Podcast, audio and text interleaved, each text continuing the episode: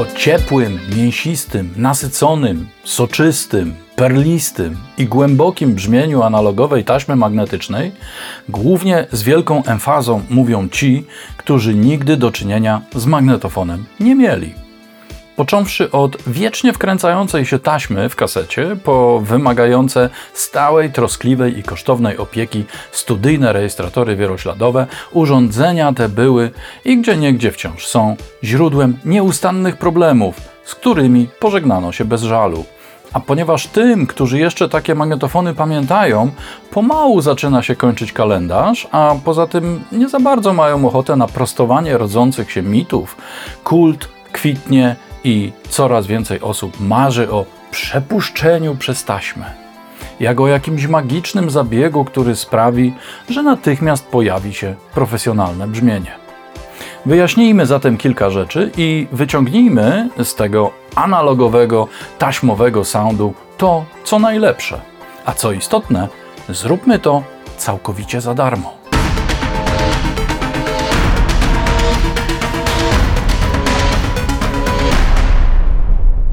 Tomasz Wróblewski z RODB.pl. Co tydzień znajdziesz tu nowe testy, porady i prezentacje z zakresu produkcji muzycznej i pro audio. Zapraszając do obejrzenia tego odcinka, jednocześnie zachęcam do subskrypcji, polubień i komentowania. Mój pierwszy kontakt z magnetofonem dokonał się tak dawno, że aż wstyd, a owym urządzeniem był nowiuteńki podówczas kasetowy MK125 z dołączonym mikrofonem węglowym. Radości, jaką sprawiało mi nagrywanie różnych dźwięków, nie da się porównać z niczym, a możliwość zapisywania na taśmie własnych, naiwnych podówczas pomysłów muzycznych rozpoczęła moją fascynację tym, co bywa określane jako produkcja muzyczna i pro audio. Magnetofon w zasadzie nie jest poprawnym określeniem, ponieważ jest to nazwa własna. Tak nazywało się urządzenie opracowane w Niemczech pod koniec lat 30., które już miało wszystkie cechy potrzebne do tego, by z relatywnie wysoką jakością zapisywać i odtwarzać dźwięk na taśmie. Zaraz po wojnie sprzęt trafił z Niemiec do USA, gdzie już pod nazwą Ampex stał się czymś, co anglosasi określają jako tape recorder. Bez wnikania w szczegóły i w dużym uproszczeniu, sercem magnetofonu jest głowica, której rdzeń z nawiniętą na nim cewką pozostaje niedomknięty za sprawą tzw. Tak szczeliny magnetycznej. Płynący przez cewkę prąd przemienny, będący wzmocnionym sygnałem audio, wytwarza w rdzeniu strumień magnetyczny. Przesuwająca się przed czołem głowicy taśma, dzięki naniesionej na nią warstwie magnetycznej, niejako zamyka ten przepływ strumienia, zabierając ze sobą informacje o jego zmianach. Przy odtwarzaniu tak dokonanego zapisu dzieje się proces odwrotny. Przesuwająca się taśma moduluje wielkość strumienia w rdzeniu głowicy odczytującej, a tym samym przepływ prądu w cewce na tym rdzeniu nawiniętej. Choć wszystko to wygląda relatywnie prosto, to uzyskanie w tego typu procesie jakichkolwiek dających się zaakceptować parametrów jakościowych wymaga naprawdę skomplikowanej konstrukcji elektronicznej, nie wspominając już o zapewnieniu równomiernego przesuwu taśmy i samej degradacji nośnika wynikającej z nieustannego tarcia poddawania go naprężeniom czy utracie właściwości magnetycznych w sposób samoistny lub wymuszony bliską obecnością struktur oddziałujących magnetycznie. Wraz z liczbą ścieżek ilość potencjalnych problemów rośnie wykładniczo. Powstało mnóstwo wtyczek emulujących zachowanie się magnetofonu, zarówno od strony brzmieniowej, jak i mechanicznej. Zdecydowana większość z nich, zwłaszcza gdy są sygnowane nazwami firm stojących za produkcją oryginalnych urządzeń, jest dość kosztowna. Ale ja chciałbym zwrócić Waszą uwagę na całkowicie bezpłatną Chow Tape Model. Link w opisie poniżej. Choć w jej interfejsie graficznym nie ma efektownie obracających się szpul, podświetlanych przycisków, mierników wskazówkowych i innych tego typu gadżetów, to oferuje ona zdecydowanie więcej parametrów pozwalających na wiarygodną emulację niż wszystkie inne wtyczki razem wzięte. Rzecz najważniejsza. Z procesorów tego typu nie powinno się korzystać na zasadzie ich włączenia na sumie czy grupie miksu. Należy ich używać poprzez umieszczenie każdej jej instancji na tych ścieżkach, które mają być poddane emulacji, a także na sumie. I to rodzi pewien problem, bo w razie chęci dokonania jakichkolwiek zmian trzeba nurkować wśród wtyczek na wszystkich śladach, aby całość zachowała jakąś spójność ustawień. Dlatego też w porządnych emulatorach znajdziemy funkcję grupowania. Polega ona na tym, że wszystkie instancje przypisane do danej grupy komunikują się wzajemnie i zmiana dokonana w jednej z nich przenosi się na pozostałe. Tutaj każda z instancji umieszczonych na śladach i sumie została przypisana do grupy pierwszej, a owych grup mamy do dyspozycji cztery, więc trochę to tak wygląda, jakbyśmy mieli do dyspozycji cztery wieloślady. Dokonując jakiejś zmiany, np. we wtyczce na sumie, adekwatne zmiany dokonują się także we wszystkich pozostałych instancjach przypisanych do tej samej grupy. Chcąc ominąć wszystkie wtyczki jednocześnie, w przypadku Reapera używam kliknięcia na dowolnym przycisku ominięcia z jednoczesnym trzymaniem klawisza Command Ctrl w PC. Wtyczka ma cztery moduły. Sygnałowy z możliwością regulacji poziomu wejściowego, wyjściowego oraz miksu wejścia i wyjścia wtyczki. W sekcji filtrów możemy odciąć najniższe i najwyższe tony, a w sekcji stereo zdefiniować balans lewo-prawo lub mid-side, jeśli przetwarzanie ma się dokonywać w tym właśnie trybie.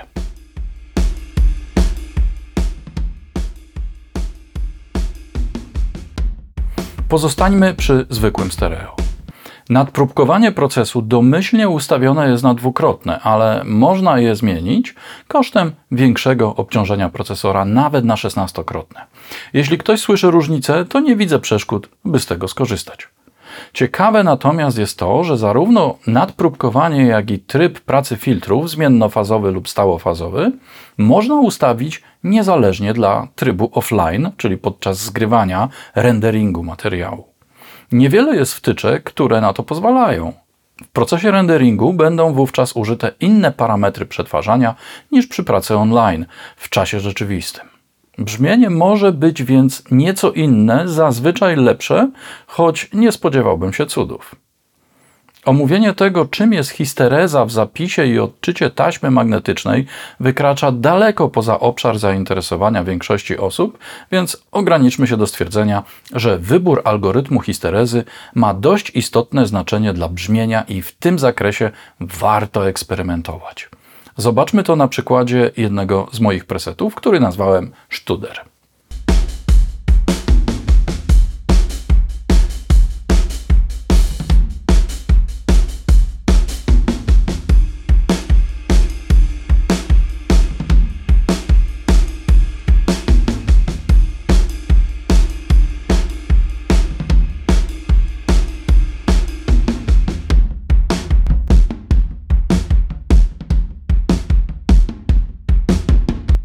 Dość wyraźnie słychać, że zmiana ma wpływ na charakter, głównie w kontekście zniekształceń. Wróćmy do ustawienia domyślnego i zobaczmy, co i jak możemy zmieniać. Bias to wielkość prądu podkładu. Czym większy, tym większe nasycenie taśmy. Największą nieliniowość w kontekście charakterystyki uzyskamy przy niskiej wartości bias i wysokich ustawieniach saturacji i wysterowania.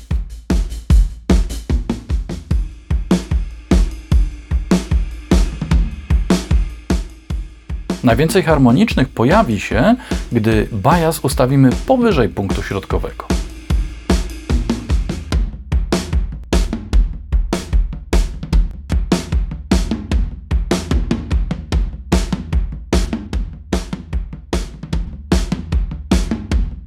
Zostawmy nieznaczne zwiększenie prądu podkładu i podkreślenie harmonicznych, odpowiednio kompensując poziom wyjściowy.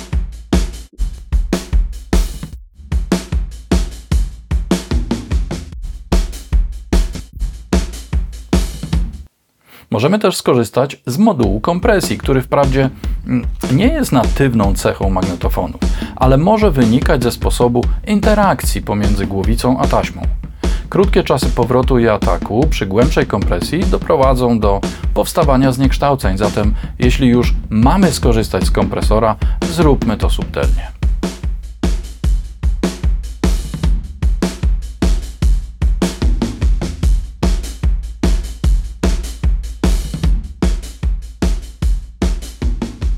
Moduł korekcji barwy dźwięku, tutaj naśladujący troszeczkę moduły preemfazy i deemfazy w profesjonalnych magnetofonach, odnosi się do półkowej regulacji dołu i góry z regulowaną częstotliwością podziału między nimi. Warto zaznaczyć, że przy podbijaniu mogą się pojawić zniekształcenia, a wbrew temu, co się powszechnie uważa, magnetofony wcale nie były takie chętne do ich wytwarzania.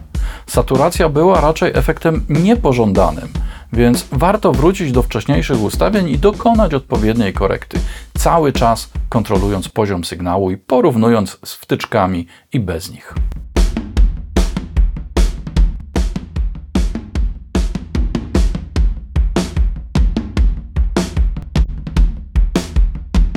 Zmieniając algorytmy histerezy, postarajmy się znaleźć taki, przy którym uzyskamy najbardziej wyraziste brzmienie.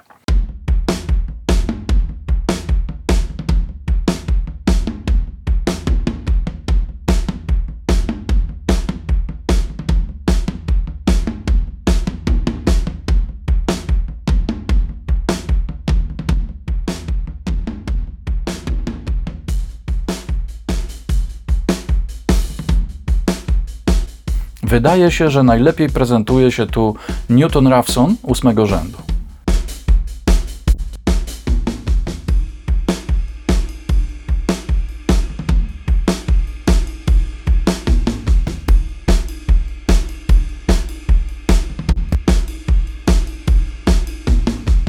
Jak na moje ucho, całość jest trochę, że tak powiem, przeanalogowana, więc pokręcę jeszcze w module tape, aby ustawić nieco bardziej rzeczywiste brzmienie.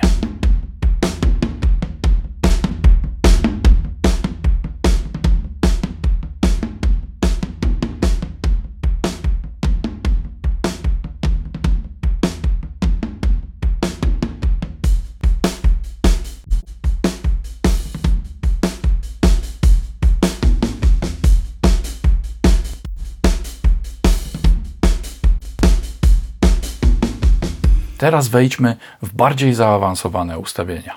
W sekcji Loss możemy regulować wielkość szczeliny magnetycznej w głowicy. Czym większa, tym większa tendencja do rezonowania pewnych częstotliwości. Można znaleźć taką, która efektownie podkreśli na przykład brzmienie stopy.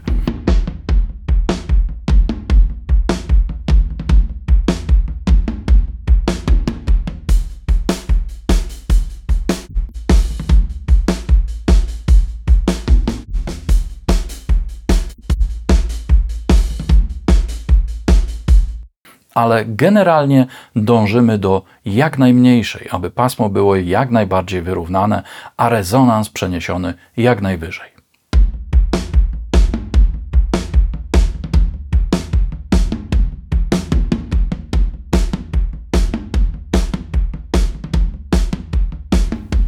Thickness to grubość taśmy. Grubsza jest bardziej wytrzymała mechanicznie, ale trudniej ją namagnesować, stąd spora utrata wysokich tonów. Spacing to w praktyce grubość powłoki ochronnej na głowicy oraz takiej samej warstwy na taśmie, czyli bezpośrednia odległość między czołem głowicy a nośnikiem magnetycznym.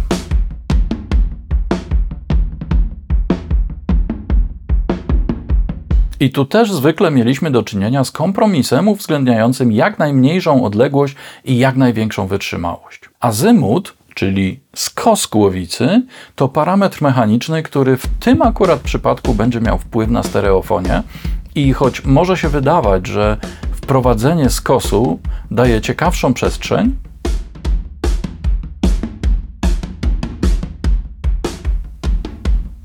to trzeba pamiętać o kompatybilności mono.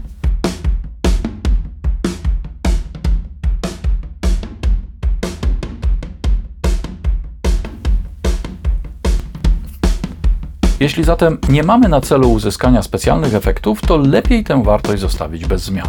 I wreszcie rzecz absolutnie kluczowa. Szybkość przesuwu taśmy. Tu wyrażona w calach na sekundę. IPS. Zdecydowana większość klasycznej muzyki została nagrana na magnetofonach z przesuwem 15 IPS, ale już w schyłkowym okresie epoki analogowej w najlepszych studiach stosowano prędkość dwukrotnie większą. Generalnie czym większe ustawienie IPS, tym więcej wysokich tonów, a czym niższe, tym bardziej, że się tak wyrażę, vintage i analogowo. Naprawdę ciekawe efekty można uzyskać ustawiając najniższą stosowaną w najstarszych magnetofonach prędkość 3,75, odpowiednio korygując wielkość szczeliny magnetycznej oraz grubości taśmy, dodając jednocześnie więcej harmonicznych w bloku nasycenia i prądu podkładu.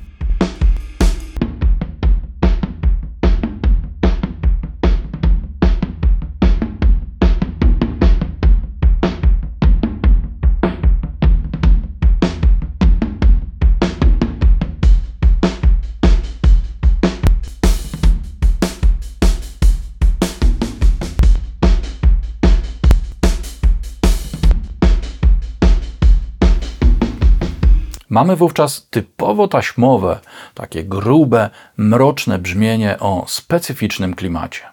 Efekt ten można pogłębić i uwiarygodnić, wprowadzając kołysanie i rozchwianie dźwięku, czyli wow and flutter, będące efektem starzenia się lub rozkalibrowania mechaniki napędu taśmy.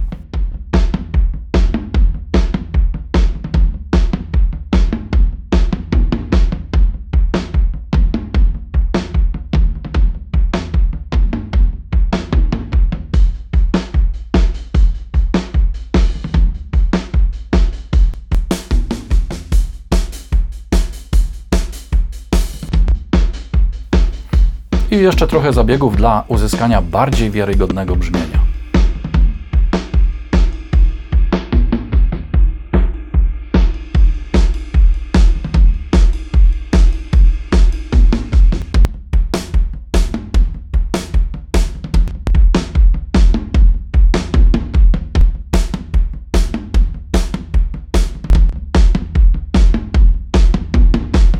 To ciekawa emulacja dalekiego od cyfrowej przejrzystości, mrocznego, organicznego dźwięku wysokiej klasy magnetofonu, który wirtualnie posłużył do nagrania partii bębnów. Aby całość nieco uwspółcześnić, dodajmy wysokich tonów.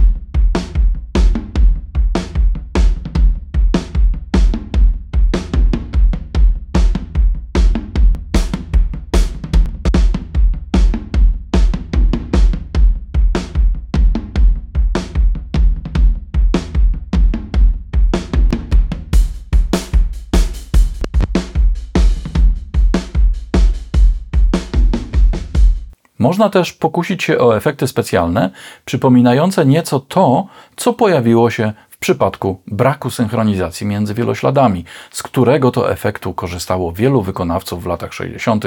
z The Beatles na czele.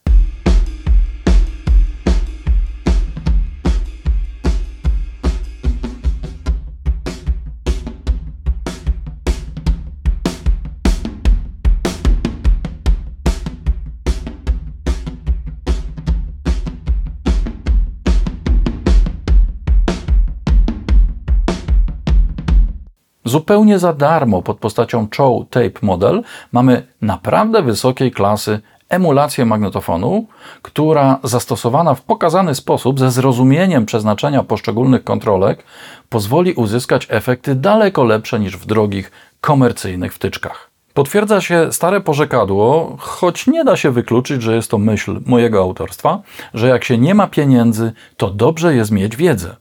Ale przede wszystkim trzeba się trzymać 0 decybeli. PL